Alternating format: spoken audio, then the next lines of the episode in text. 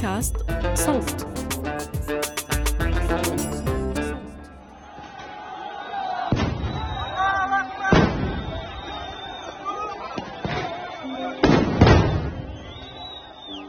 مرحبا صابرين بتحكي. عم بسجل الحلقة مساء يوم الجمعة السابع من أيار مايو سنة 2021 والقدس تحولت لساحة معركة. حي الشيخ جراح وباب العمود والمسجد الأقصى داخله وفي ساحاته.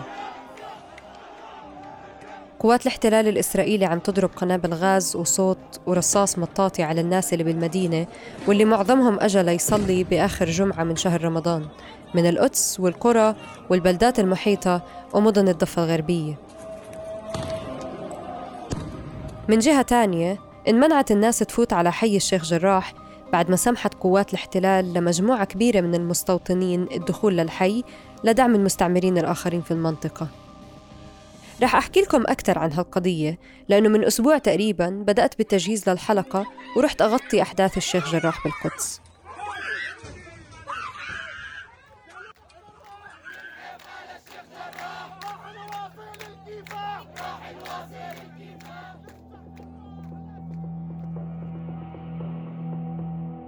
القصة ببساطة إنه عشرات العائلات من هالحي تسلموا اختارات من سلطات الاحتلال بمصادرة بيوتهم لصالح جمعيات استيطانية. هالجمعيات راحت للمحكمة بأوراق مزورة وادعت ملكيتها للبيوت بعد ما فشلوا أصحابها بتأكيد هذا الحق أمام القضاء. والقصة بلشت بأنه الأردن مع وكالة غوث وتشغيل اللاجئين الأونروا عملوا اتفاق مع العائلات اللي تهجرت بال 48 بالنكبة بأنهم يقعدوا على هاي الأرض ويسكنوا البيوت ويدفعوا أجارها وتصير ملكهم بعد ثلاث سنوات من سنة ال 56 بال 59 ما تحولت البيوت لأسماء هاي العائلات وما تغير إشي بالقضية. وببداية السبعينات مجموعات المستوطنين قدمت أوراق مزورة بتدعي فيها ملكيتها للبيوت لحتى يطردوا أصحابها منها. كان في محاكم كتير على مر السنوات والمهلة الأخيرة لإخلاء هاي العائلات كانت الأحد 2 أيار مايو من سنة 2021 وبعدها أعطوهم تمديد ليوم الخميس 6 أيار مايو وهكذا وهكذا. ومن وقتها ولليوم والفلسطينيين بيروحوا على الحي وبيقضوا وقت مع أصحاب البيوت وبيحاولوا بكل الطرق حماية الحي وأصحابه ولفت الانتباه لهالقضية الهامة.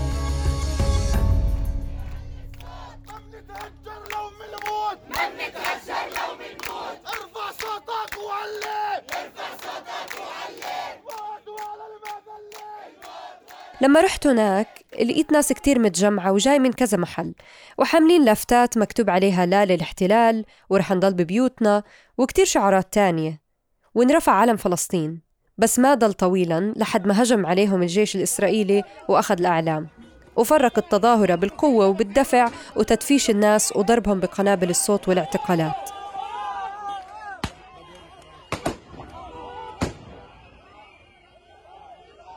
قبال بيت الكرد وجنب بيت القاسم المهددين بالمصادرة والإخلاء بتلاقوا بيت الغاوي اللي اتاخد بال 2009 وكانوا المستوطنين واقفين على شرفاته بيتفرجوا علينا والبيت مرفوع عليه كذا علم لإسرائيل ونجمة داوود كبيرة مضوية. زاد الهتاف وعلي الصوت.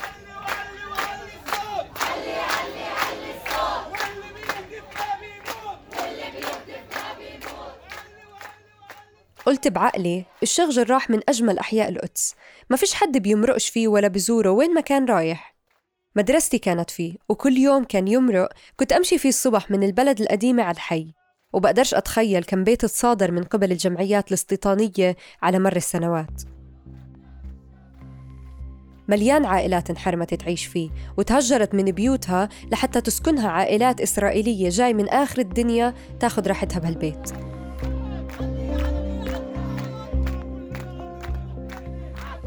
كنت بدي أسمع أكثر من أهل الحي عنه وعن حالهم. ولما احتجت أحكي مع كرمل القاسم ابن إحدى العائلات المهددة بيوتها بالمصادرة دخلنا على بوابة بيته لحتى يصير الصوت أوضح ونبعد عن الهتاف. سألته عن حاله وشرحت له عن شغلنا بصوت وطلبت منه يحكي لي شوي عن الحي وعن شو صار بالضبط.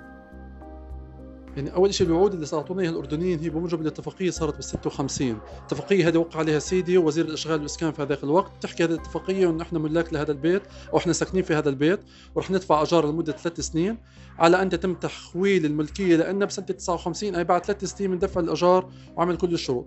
اللي صار إنه لعند 59 ما تخول البيت بأسمنا وضلينا نحاول إنه يكون بأسمنا وبعدين صارت الحرب وما صار شيء بسنة 72 رفعوا اليهود قضايا ضدنا بدعوا انه ملكيه الأرض هذه واستمروا إنهم يرفعوا قضايا علينا ويتابعونا في المحاكم لحد هلأ.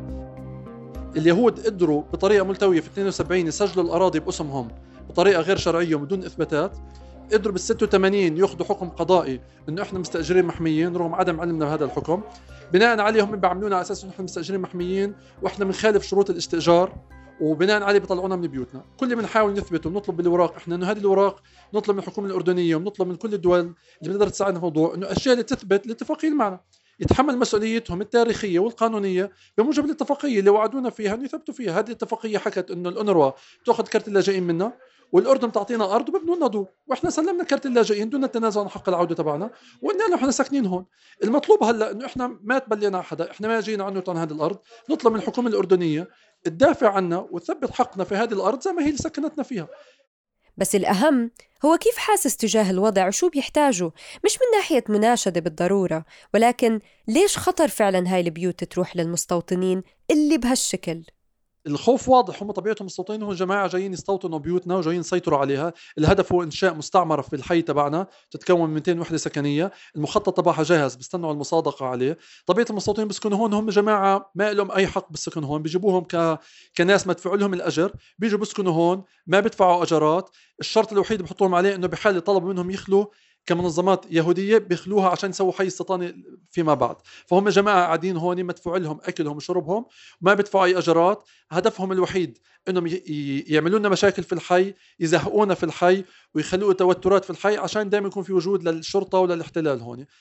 كل اللي بنحاول نثبته ونطلب بالوراق إحنا إنه هذه الوراق نطلب من الحكومة الأردنية ونطلب من كل الدول اللي بتقدر تساعدنا في الموضوع إنه الاشياء اللي تثبت الاتفاقيه معنا.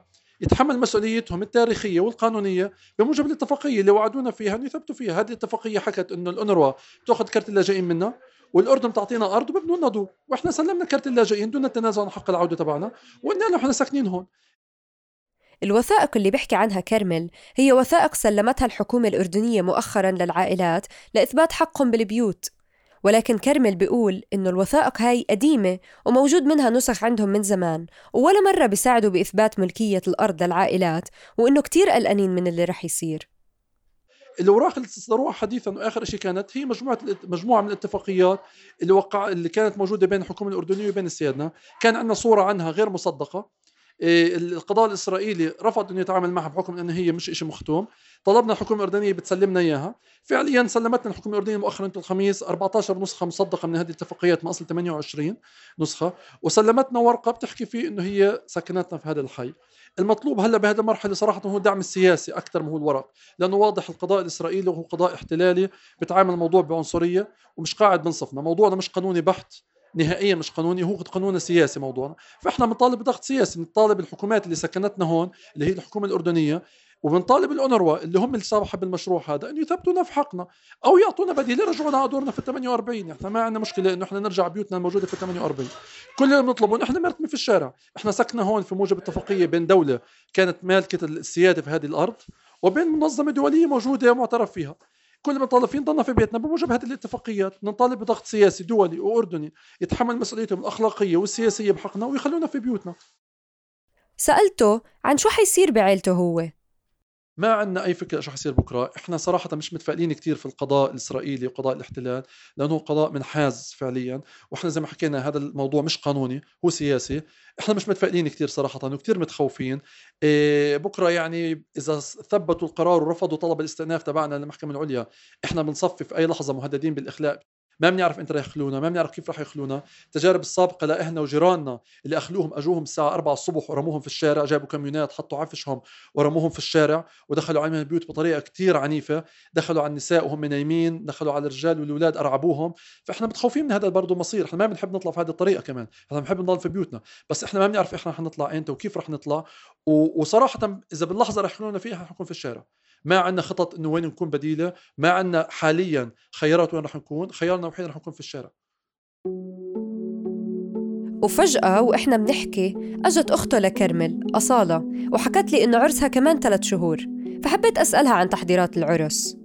كثير حابة أح يعني أحط فستان عرسي أحضره أحطه في البيت عنا أجهز أغراضي عنك إحنا عنا بنعملنا جهاز عروس وجهاز للبيت وكله بنحط في بيت العروس لحديت ما تنتقل على بيتها الجديد. لهلأ أنا الحكي هاد ما سويته. طب أنا إمتى وين بدي أحط هاي الاغراض وين بدي وإمتى يعني ناويه أجيبها عشان يطلعوا لي اياها مع يزتوها بالشارع مع الأغراض اللي حيزتوا لنا إياهم؟ فما ما بقدر مش متخيلة أجيب فستان عرسي اللي يكون فرحة عمري أحطه في البيت أعلقه على الخزانة وبتيجي يجوا ثاني يوم يطلعوا لنا إياه يزتوه بالأرض. قلت لها فكرك لو وحدة مستوطنة إسرائيلية بالبيت اللي جنبك بدها تتزوج بتمرق بنفس ظروفك؟ لا طبعا. لا لا ما أصلا ما المستوطنين ما بيمروا في أي شيء صعب في حياتهم عشان يتم يعني يمروا في نفس تجربتنا. والمستوطنة وقت عرسها بتعمله كله على أكمل وجه بتعمله وين ما بدها في القدس بتعمله بتاخذ البيت اللي بدها إياه بتعيشوا. إحنا حتى لما نتزوج البيت بدنا نستأجره أو بدنا نكون نبني البيت مثلا حيكون يعني حتدفعي مش ح... مش حنقدر يك... يعني ما حنقدر ندفع قديش ممكن يكلفنا ندفع بيت. يعني التكلفة لدفع بيت أجار أو ملك في القدس للعرب شبه مستحيلة. هم عندهم بي يعني بتراب المصاري ولا إشي بيدفعوهم وبيستأجروا وين ما بدهم بيعيشوا وين ما بدهم وين ما بدهم. شاركت أصالة تخوفاتي من الوضع بالقدس. كوني كمان بنتها. وباركت لها على أمل إنه الله يحميهم ويحمي بيوتهم. وطلعت من بيت القاسم ومشيت للشارع لأرجع للمظاهرة. كان الجيش عم يدفع بالمتظاهرين وبحاول يفرقهم واعتقلوا أكثر من شاب قدامنا وهجموا عليهم من كل مكان بوحشية مطلقة لمجرد إنهم حاملين لافتات وبيتضامنوا مع هالقضية وبيهتفوا. هجمت على شاب واحد. كسرته. كسرت الشاب. كسرت الشاب. كسرت الشاب. لما روحت على البيت ومع تطورات القضية بعدها بأيام حكت لي زميلتي جنى من صوت إنه في اعتصام بالعاصمة الأردنية عمان مع نفس القضية. فطلبت منها تنزل تسمع من الناس وتشاركني تفاصيل عن هالاعتصام. سلمني المفتاح. وجدي سلمني المفتاح. وأمني على الشيخ جراح. وأمني على الشيخ جراح. مرحبا معكم جنى. كنت مقررة أنزل على اعتصام كان مفروض يصير في عمان لدعم أهالي حي الشيخ جراح. لكن بعد ما حكيت مع صابرين عن اللي عم يصير بالحي اتفقنا إنه ممكن أغطي المظاهرة لحتى نحكي لكم عنها أكتر. أنا شخصياً زرت الخليل ورام الله ونابلس. بس ولا مرة عتبت الحي ولا القدس من الأساس. وممكن مرات بحس إنه مين أنا لأحكي بقضايا بتخص فلسطين وأنا مش عايشة فيها بس حظي سمح لي أحمل هويتها. بس تعلمت أطنش هذا الصوت المتخاذل وأنزل على أي اعتصام يخص فلسطين. وبتذكر أول اعتصام نزلته في الأردن سنة 2012 وقت مشروع تهويد منطقة النقب جنوب فلسطين المحتلة. وبعدين نزلنا وقت اتفاقية الغاز المسروق اللي مشت على كل حال وسط الغضب والرفض الشعبي. المهم الوقفة الداعمة لأهالي حي الشيخ جراح كانت بتاريخ 5 أيار مايو 2021 قدام مجلس النواب الأردني على الساعة 4 العصر. على الساعة 3 و58 دقيقة كنت عم بمشي تجاه شوية الناس المتجمعين تحت شمس عمان القوية قدام مبنى مجلس النواب يعني على بعد قطعة شارع منه. اللي نظم الاعتصام كانوا القوى الشبابية والطلابية الأردنية. لمطالبة المجلس بالضغط على الحكومة لحتى تاخذ موقف واضح وحقيقي تجاه اللي عم يصير في حي الشيخ جراح. كون قضية الشيخ جراح مرتبط ارتباط وثيق وواضح بالحكومة الأردنية.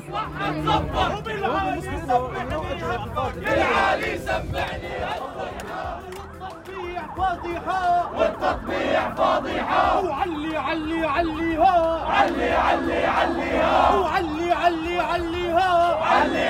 علي ملعون البدو يلويها ملعون البدو يلويها ملعون البدو يلويها بالسلاح بالسلاح بالسلاح بالسلاح وبالسلاح بالسلاح بالسلاح بالسلاح ويا اهالي الشيخ جراح يا اهالي الشيخ جراح الاعتصام حضروا حوالي 100 شخص فقط.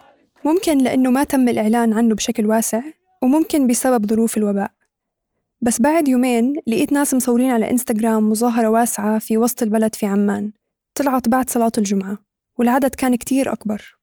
يمكن ما قدرت أميز الهتافات كتير بس من الفيديوهات اللي شفتها لهاي المظاهرة بقدر أقول إنها مثل الوقفة اللي كانت أمام مجلس النواب. شملت قضايا ما اقتصرت على قضية الشيخ جراح بس ممكن بتصب فيها. زي المطالبة بإلغاء اتفاقية وادي عربي اتفاقية السلام بين الأردن وإسرائيل. ورفض وجود سفارة صهيونية على الأراضي الأردنية وحتى التذكير بأنه غاز العدو احتلال حكومة وبرلمان يا حكومة وبرلمان وسكوتك يعني امتهان وسكوتك يعني امتهان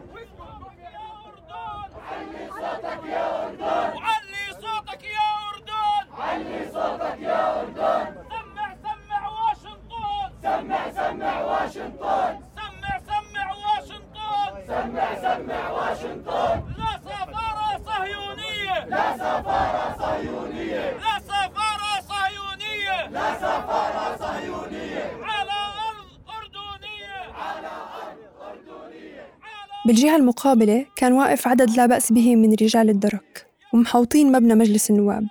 دايما بتساءل شو بيكون بدور براسهم لما نكون واقفين قبالهم باعتصام. لاحظت إنه المعتصمين عم يحاولوا ينتقوا الهتافات اللي بعيدوا وراها واللافتات اللي بيحملوها وكان في جهات بتوزع لافتات. لكن في بنت قدامي رفضت تحمل لافتة لأنه حستها مبتذلة وما بتمس بقضية الشيخ جراح بشكل واضح. وهالحكي أبسطني شوي. بعد لحظات واحد من الشباب عرض علي أحمل لافتة مكتوب عليها بالإنجليزي إنه نداء أهالي الشيخ جراح مش لازم يسقط على أذان طرشاء حملتها. وبعد شوي اللي جنبي شافتني بحاول أسجل وأحمل اللافتة بنفس الوقت وغالبا شفقت علي وقررت تحملها عني. كانت اللافتات حوالينا بتقول أشياء كتيرة. أنقذوا حي الشيخ جراح لن نرحل أغلقوا سفارة الكيان. وأشياء بالإسباني ما فهمتها. بس في وحدة قدرت أستخلص معناها. القدس عاصمة فلسطين الأبدية. الاعتصام ما طول وواحد من الشباب اللي بيهتفوا اقترح ننهيه بنشيد موطني.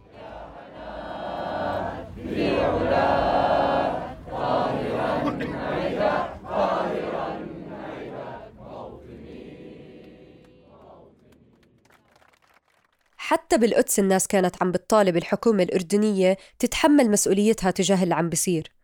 كانوا مجتمعين لهدف واحد والناس أجت تتضامن من كل حدب وصوب. وكمية الاعتقالات والضرب اللي عم بيشهدها الحي بيحكي عن وحشية وعن جهية مستمرة من الاحتلال. بالوقت اللي في عائلات رح ترتمي بالشارع بدون ما تلاقي حد يحميها أو يدافع عنها. ساعة ساعة يوم يوم بصير فينا هيك حديت الأسبوع اللي فات عندنا اعتقالات عندنا إصابات ولا واحد بيتحرك. هذا اللي بيصير مع المستوطنين هيو شوفوا كيف حماية المستوطنين. حمايه المستوطنين عشان تعرفوا إيش إحنا بقى كيف عايشين إحنا كيف عايشين بالشيخ جراح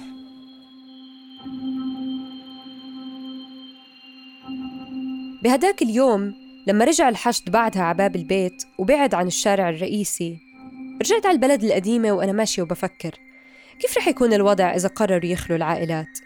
كيف رح تفضى هالبيوت للمستوطنين؟ كيف رح يعيشوا بالبيت اللي العائلة ربيت وكبرت وخلفت أطفالها فيه؟ كيف هاي النوعية من المستوطنين بتحصل على أحلى بيوت بدون ما تدفع ولا شيء مقابل إنه الفلسطيني والمقدسي مش عارف يلاقي غرفة يعيش فيها بدون ما يتهدد بالطرد بكل لحظة. طلعت شوي عن منطقة حوالي على مدرستي القديمة على الشارع الرئيسي اللي فيش مرة رحت من القدس على رام الله فيها ما مرقتش فيه على كل الأعلام الإسرائيلية المعلقة فوق البيوت اللي راحت منا وفكرت بكل العائلات اللي تركت بيوتها القديمة بأحلى مكان بالعالم واضطرت تعتصم بالشارع قبل ما بلدية القدس الإسرائيلية تطردهم ويطلعوا يعيشوا ببيوت للأجار وهم شايفين بيوتهم ومش قادرين يرجعوا لها. بس بعدين فكرت شوي وقلت لحالي الأهالي اللي بيعرفوا بيوتهم من لما عاشوا فيها أجدادهم اللي أقدم من إسرائيل حافظين تفاصيلها وريحتها وشكلها ودراج البيت وشجر الليمون اللي بالحكورة وأي باب بالبيت بده تزييت ومن وين بتسيل المي جوا البيت بالشتاء. وقديش المخزن بده ترتيب وخزاين المطبخ بدها تنظيف. وقديش الرطوبة بتخلي التراشة تنزل. وكم مرة تدير العفش جوا الدار. وكم مرة تعزلت قبل العيد ورمضان.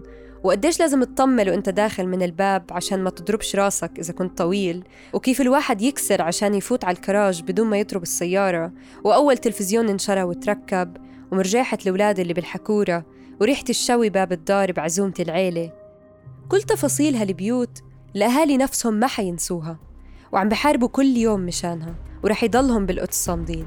غصبا عن أي مستوطن بفكر إذا بعلق علم على السطح أو بحط نجمة داود كبيرة رح يقدر بهيك يختزل كل تفاصيل وتاريخ هالبيت وكل البيوت وكل هالمدينة ويعرفها أحسن من أولادها أولاد القدس وأنا وجنى منقول له بصوت واحد ولا, ولا مرة, مرة ولا, ولا حتى, حتى بحلمك, بحلمك. بتصورش حالي خارج القدس ولا خارج هذا البيت ابدا ولا بحال من الأحوال لكن قبلك سألوني قلت لهم والله من هالبيت ماني طالع إلا مرة. إحنا رجالة ضمن طرطش لك. بنضرب حرب الليلة ما بنغلب. بدك جبال وعادي بنهد لك مرحب فيك في ولاد القدس بندبر حالنا نحل اللغز كتبت وأعديت هالحلقة أنا صابرين طه وشاركتني بالكتابة والتقديم جنى قزاز ومن التحرير رنا داوود من هندسة الصوت محمود أبو الندى ومن النشر والترويج مرام النبالي وبيان حبيب. ادعموا القدس وحي الشيخ جراح واحكوا لكل حد عن اللي عم بيصير. شكرا. هالحلقة من إنتاج صوت. نستقطب مال بس بدنا ننقص ما هو كله عارف ما هو كله شايف ما هو كله خايف والدنيا ترص استجدع دايما واوعك بوحش أنا إدرينالين فاجع بشباب ينضرب